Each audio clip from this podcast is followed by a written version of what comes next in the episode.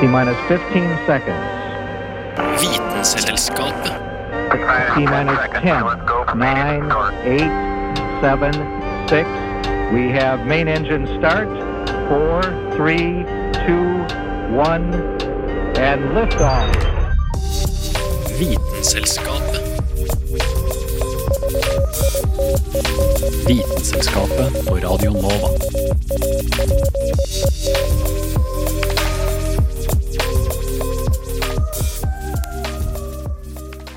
Om jod ber deg alle, helga lydar, store og småe, søner åt Heimdal.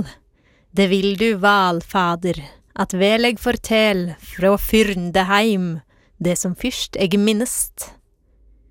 Island klarer vel aldri å riste av seg assosiasjonene til Eddaverkene og Snorre Sturlason, i hvert fall ikke her i Norden. Men klarer islendingene å omskape landet til en moderne teknologihub? Mitt navn er eh, Hanne Grydeland, og som en del av turen vår til Island har Vitenselskapet sett nærmere på fremtidsteknologi på Sagaøya. Å vite vet Vitenselskapet.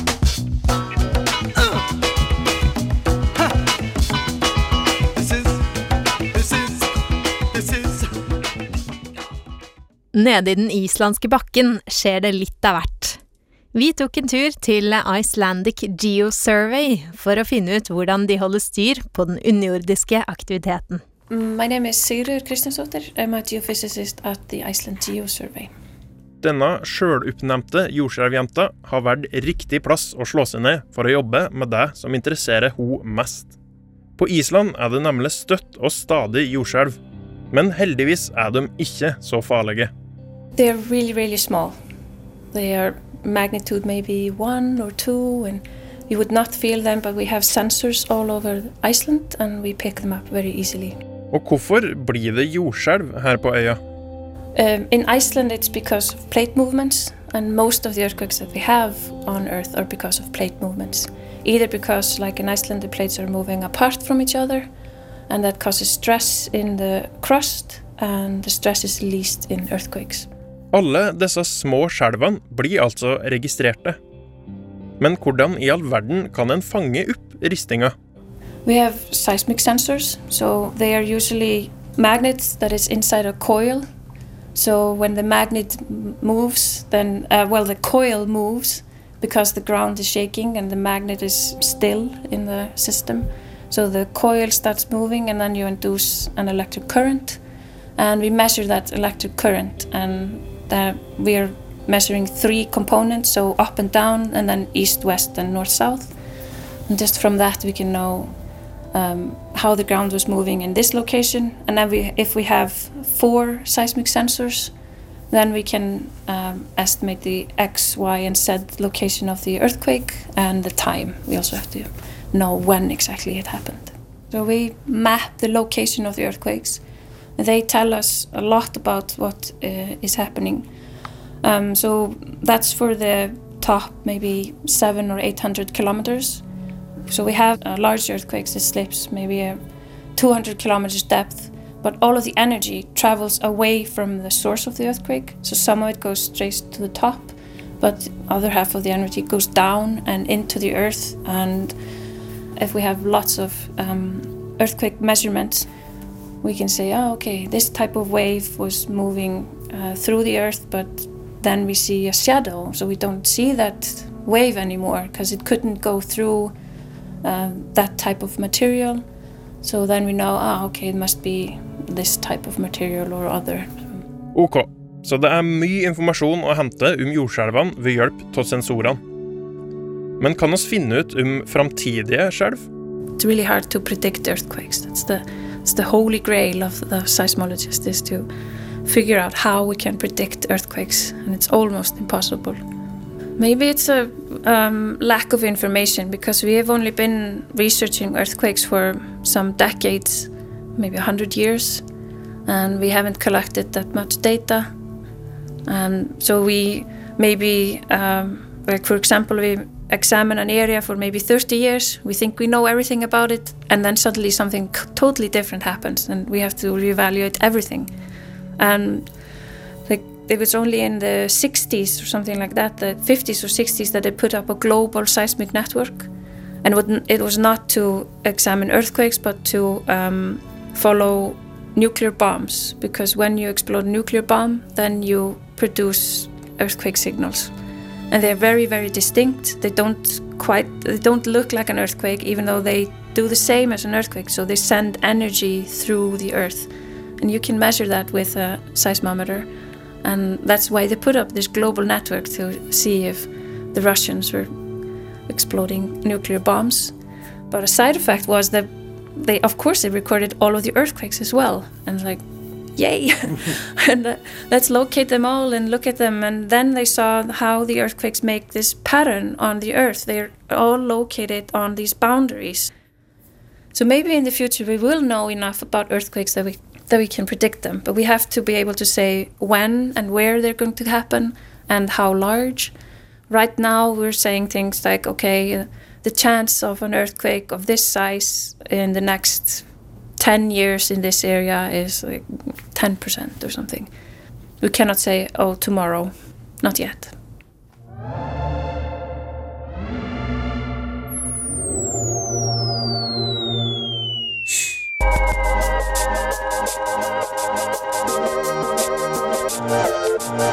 Visste du at mange pattedyr har et penisbein?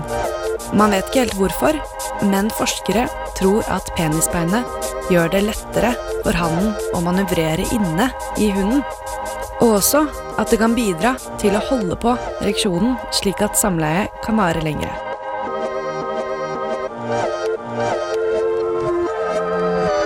Som vi alle vet, er gassutslipp en stor trussel for klimaet på hele planeten. Og det som er fint med Island, er at all energien de produserer er fornybar. Det vil si enten vannkraft eller jordvarme. Men de stopper ikke der. For de har også begynt med et nytt prosjekt som kan drastisk minske utslipp ved å sende gassen tilbake dit den kom fra. It's called gas into rock, and it involves taking uh, our most polluting gases, which is CO2 and uh, sulfur, and basically turning them back into rock or crystals. Geologistudent Jona Sigurlina Palmadottir forteller om The Carb Fix Project, et eh, prosjekt som nesten høres for godt ut til å være sant. Universitetet på Island og kraftverket i Reykjavik har samarbeida med franske og colombianske forskere og funnet en metode som kan gjøre skadelige klimagasser om til ufarlige steiner langt nede i jordas indre. Og ikke er det så vanskelig å få til heller. To do this, you will need two things. Well, three things. First thing you will need, of course, is the gases. Then the second thing that you will need is uh, water, actually. You need to dissolve these gases into water. Uh, but in our case, uh, at least for this case, you can use any kind of water though. You can use fresh cold water, um, seawater, wastewater. The only thing basically that has to happen is that the gases have to be completely, completely dissolved in water. And uh, once you've done that, you have to take them and put them into the ground, and you have to put it in, in Pacif- uh, specifically basaltic rock. So the third thing that you will need is basa- basaltic uh, rock. Man løser altså gassene opp i vann, litt som en sodastream, og sprøyter det langt ned i steingrunnen. Nesten hele Island består av basalt, en steintype som er ganske porøs, men enda viktigere, den inneholder stoffer som kalsium, magnesium og jern, som er grunnleggende for at prosessen skal fungere. Når gassene kommer ned i steingrunnen, reagerer de nemlig med disse stoffene og begynner å forme seg om til mineraler. Og med tanke på at det er steindanning vi snakker om her, tar dette sjokkerende kort tid. For the CO2 crystals, it will take um, around two years for everything to crystallize, but most everything will be crystallized within one year. So it's a very fast uh, crystallization than we thought. We thought it would take many, many centuries, but uh, it takes much less time. Uh, it was very surprising. De nydanna krystallene fyller opp hulrom i den porøse basaltsteinen, men det er allikevel ingenting som tyder på at bakken kommer til å bli tetta med det første. No, it's not clogging the wall as well, so we can't do this for a very long time without worrying clogging it up. and even if we do that, then we just can move to the next area because we have so much of it, it uh, should not be a problem. Kraftverket på Hetleseidi har redusert sitt utslipp veldig ved å pumpe gassutslippene ned igjen i sine allerede eksisterende borehull. Island er ganske unikt geologisk sett, og det er lett å tenke seg at denne metoden kun kan fungere her. Men eh, det er grunn til å tro at denne metoden også kan brukes i Norge, et eh, oljeland som ikke akkurat har null gassutslipp. Exactly. So, and, and this is also.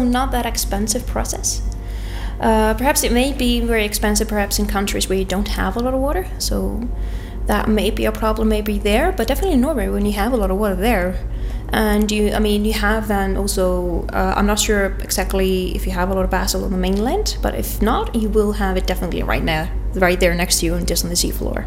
So it's not far you have to go to do this. So definitely, yeah. Hæla i taket med Vitenselskapet.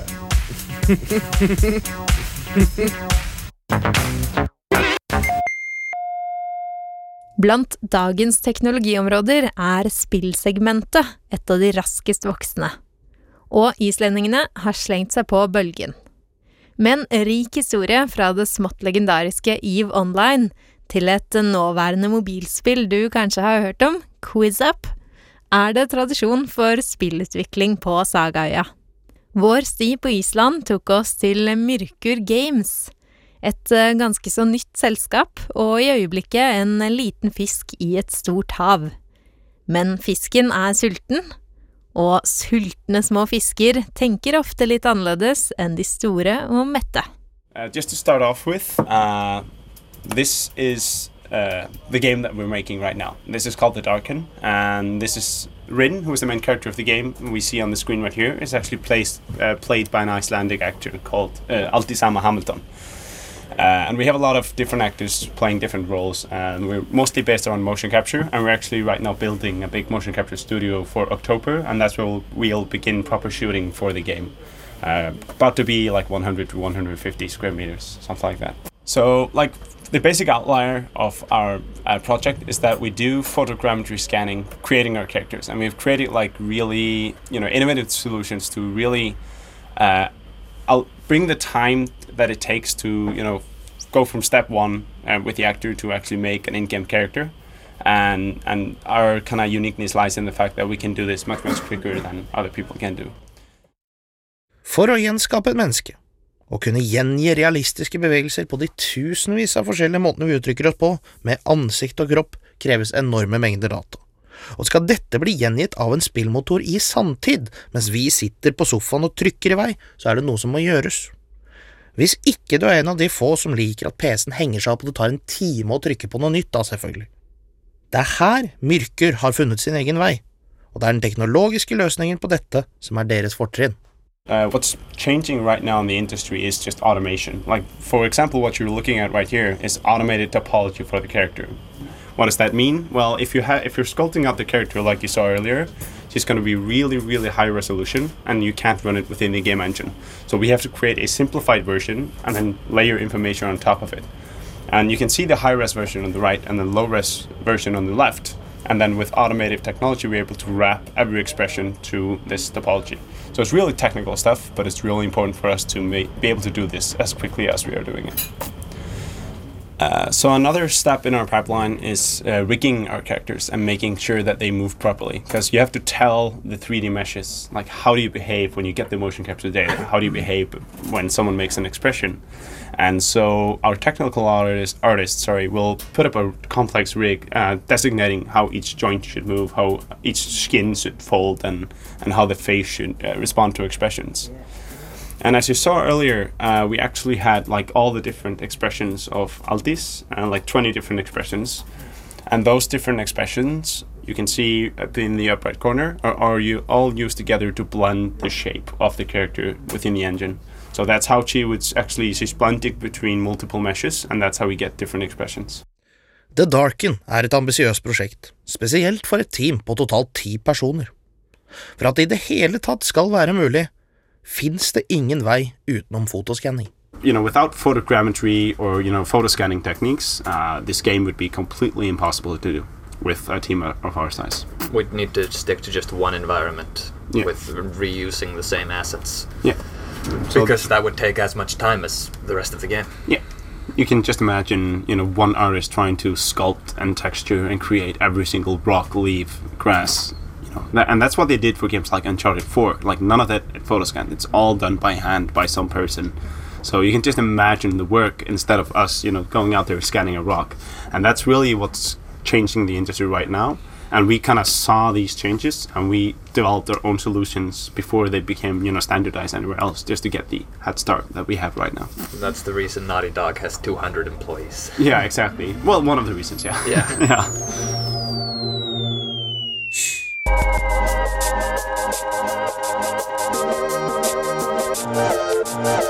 Visste du at elefanten ikke bare har den største penisen av alle pattedyr, den er også så bevegelig at den kan brukes som en ekstra snabel? Så om elefanten skulle klø litt på magen eller vil plukke opp noe fra bakken, er det bare å bruke penis.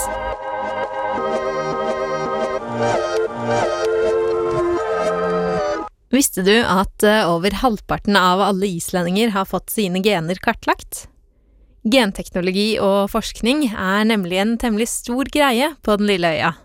Noe som kan gjøre at eh, alle vi mennesker kan forstå oss selv litt bedre. So the idea is to try in the end to understand how a relatively simple code of four letters is transformed into a three-dimensional creature we call Homo sapiens. That's basically it. Kauri Stefansson jobber for Decode, et selskap som forsker på gener fra 180 000 islendinger og ca. en million mennesker fra hele kloden, inkludert nordmenn. De er interessert i menneskers mangfold og ser derfor på alle ting ved et menneske. F.eks. hårfarge, blodtrykk, utdanning og selvfølgelig sykdommer.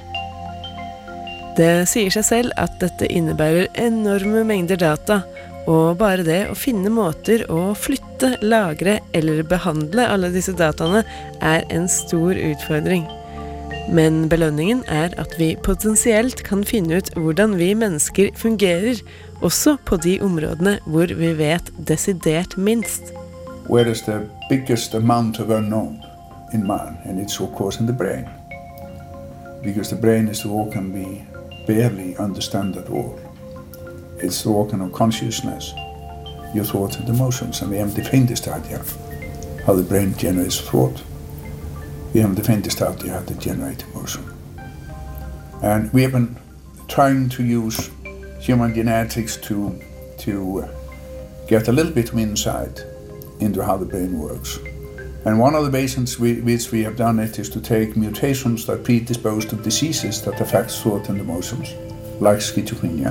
For å finne ut mer om hvordan hjernen fungerer, fulgte forskerne en viss mutasjon som de visste gjorde det 10% mer sannsynlig for å utvikle schizofreni. De ville finne ut om denne mutasjonen påvirka de 90 som ikke hadde utvikla schizofreni. Og det viste seg at det gjorde det. De fant nemlig ut at de som har denne mutasjonen, faktisk tenker på en annen måte enn flertallet av befolkningen. So this means that you do not develop schizophrenia and therefore you think differently. It means that you think differently and therefore you are at risk of the disease. And that is, in my mind, phenomenally important because it emphasizes basically that it is probably matters how you think, not just how you act, but also how you think. Genene kan med andre ord påvirke selve måten vi tenker på. Dette er selvfølgelig veldig kjipt hvis det gjør at man utvikler sykdommer som schizofreni, men for de som bare har anlegg for det uten å utvikle det, kan det å kunne tenke utenfor boksen, så å si, ha positive effekter. Question is, is the polygenic score, risk for schizophrenia, higher in the creative professions uh, in the population in general? And indeed, we looked at the members of the Association of Icelandic Writers and Painters and Composers, etc. And we showed that indeed they have higher polygenic score for schizophrenia. And what does that mean? It means that schizophrenia and creativity, they share biology. So you could argue that the attribute that gave us the music of, of Bach, Mozart and Beethoven is an attribute that 1% of the population pays a high price for by developing schizophrenia. Oslo 2 igjen, Oslo 2. Dette er Vitenselskapet. Radio November, Oskar, Viktor, Alfa.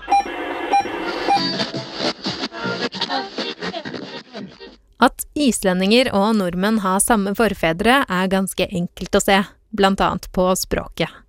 Men moderne genteknologi kan gi en større forståelse av hvordan islendingene har utvikla seg fra vikingtida og til i dag. The Book of Settlement that was written about a thousand years ago says that Iceland was settled by Norwegian Vikings who stopped by an island and picked up slaves. They went up to Iceland and settled down. We did a large study of the genetic anthropology of Icelanders, and we looked at the Y chromosomes as markers of paternal lineage, and at the mitochondria as, as uh, markers of maternal lineage.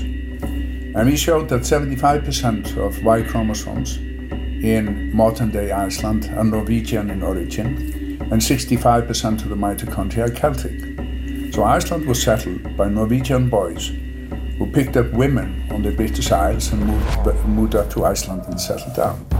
Da vikingene flytta til Island, tok de med andre ord med seg damer fra Storbritannia, og her tror jeg vi kan legge trykk på ordet tok, og skapte seg et nytt hjem på øya.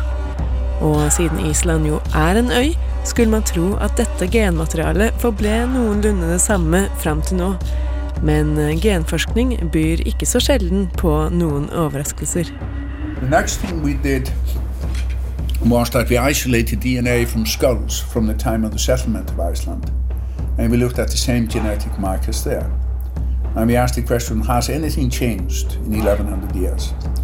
And indeed, these markers in the Icelandic genome today are statistically significantly different from what they were at the time of the settlement.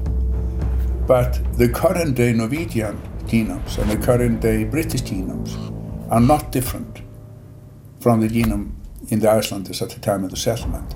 So we have changed more in Iceland, being isolated, than the Norwegians and the Brits, even though there has been a continuous stream of people through Norway and, and Great Britain. Grunnen til at den nåværende befolkningen er mer forskjellig fra sine vikingforfedre enn f.eks. nordmenn, er av det som kalles genetisk drift. Genetisk drift er når sammensetningen av et samfunn endres som følge av tilfeldigheter, ikke naturlig utvalg. F.eks. hvis en pestepidemi eller sultkatastrofe rammer Island og dreper en stor andel av befolkningen, og et relativt lite antall mennesker er nødt til å befolke hele øya på nytt. Dette kan gjøre at visse trekk går tapt, eller visse trekk blir mer framtredende enn de ellers ville blitt. F.eks. har flere islendinger mutasjonen som fører til rødt hår enn i mange andre land. Denne mutasjonen fører til større sjanse for hudkreft fordi man mangler beskyttende fargepigmenter. Men på Island, hvor det er temmelig lite sol, gjør det ikke noe at mange har denne mutasjonen. Fordi lite sol gjør at sjansen for at man utvikler hudkreft er mye mindre enn f.eks. i Spania. En kombinasjon av genetisk drift og naturlige forhold har med andre ord vært med på å endre det genetiske materialet i islendinger. We, the frequency of this mutation, allelic frequency, is about 6% in Spain, 17% in Sweden, and 26% in Iceland. So, in the country where this mutation is inconsequential, it has become much more common than in the country where it is serious. Han som fortalte oss om endringene i islendingers gener, var Kauri Stefansson fra selskapet Decode. Han kunne også fortelle oss at eh, han og noen norske forskere har kommet over en oppdagelse som gjør at vi må skrive om en del av historien. Det har nemlig til nå vært kjent at eh, islendinger stammer fra et spesifikt område på Vestlandet. Ved å studere genene har de imidlertid funnet ut at eh, det vi har trodd er feil, og at islendinger egentlig kommer fra et annet sted i Norge. Men hvor? Det vil ikke Kauri avsløre før forskningen er publisert. Fram til da får vi vel bare vente i spenning.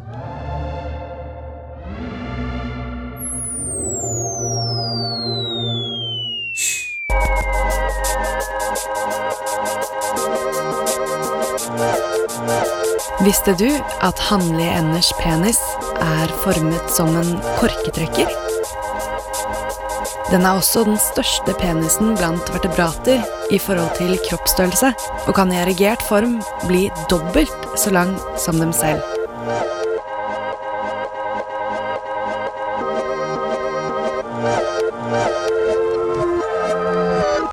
Som på besøket på Decode viser oss, er islandske gener spennende med tanke på genforskning.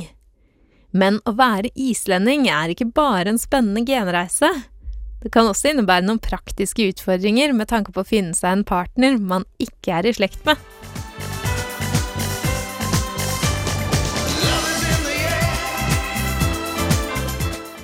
Islandsk app skal forhindre incest. Kissing cousins. Icelandic app warns you if you date is a relative. Iceland is so small, there's an app that keeps Icelanders from dating.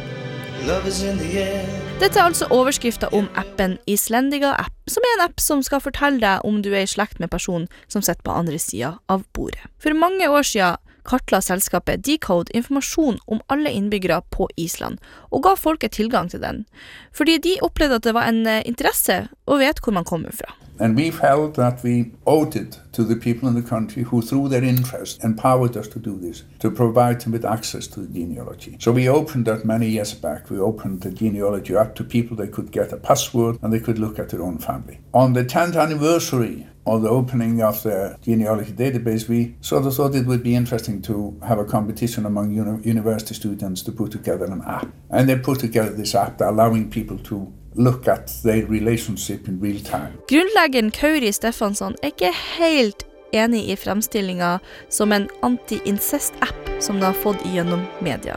And somehow the international press were fooled by someone that people who were out having fun in bars and discotheques in Iceland were using this, which I think is an utter thorough, unadulterated, unmedicated bullshit. Right. Det er kanskje ikke så rart at den blir fremstilt som en datingapp, for Island har bare rundt 338 000 innbyggere, noe som er noen tusen mer enn Bergen. Og det er jo litt lite folk og veldig mellom. Og appen fungerer slik at man tar telefoner mot hverandre, og så kommer det opp om man er i slekt eller ikke. Noe som er jo veldig nyttig hvis du skulle være i tvil. Men hvis dette her ikke er en datingapp, hva er det egentlig da? We have the genealogy of the entire nation going very, very far back in time. And the reason we have that database on genealogy is that the people in the country have always been interested in genealogy. And in the old days, there was for it because you can uh, inherit up to a fifth degree relative. But somehow the nation was always interested in genealogy. Up until very recently, there were a lot of books published on genealogy every year. And in many ways, the genealogy is just a history of the common man. The old Icelandic sagas were written about the nobility. The common man could, you know, find evidence of himself and his roots in the genealogy. So we can say that there's a little bit of a poetic justice in the existence of these these uh, genealogy documentation. And we used all of these books and church records, etc., to put together this database. Den kan kanskje heller omtales som en slags slektsbok. Men om noen faktisk bruker appen til å sjekke hverandre, er jo noe jeg vil tro er vanskelig å si, siden det ikke blir gjort noen undersøkelser på akkurat dette. De fleste har nok også dessuten generell kontroll på nærmeste slekt, og hvis du havner utafor med en syvmenning, så er det vel kanskje ikke så nøye, eller? Everywhere I look around.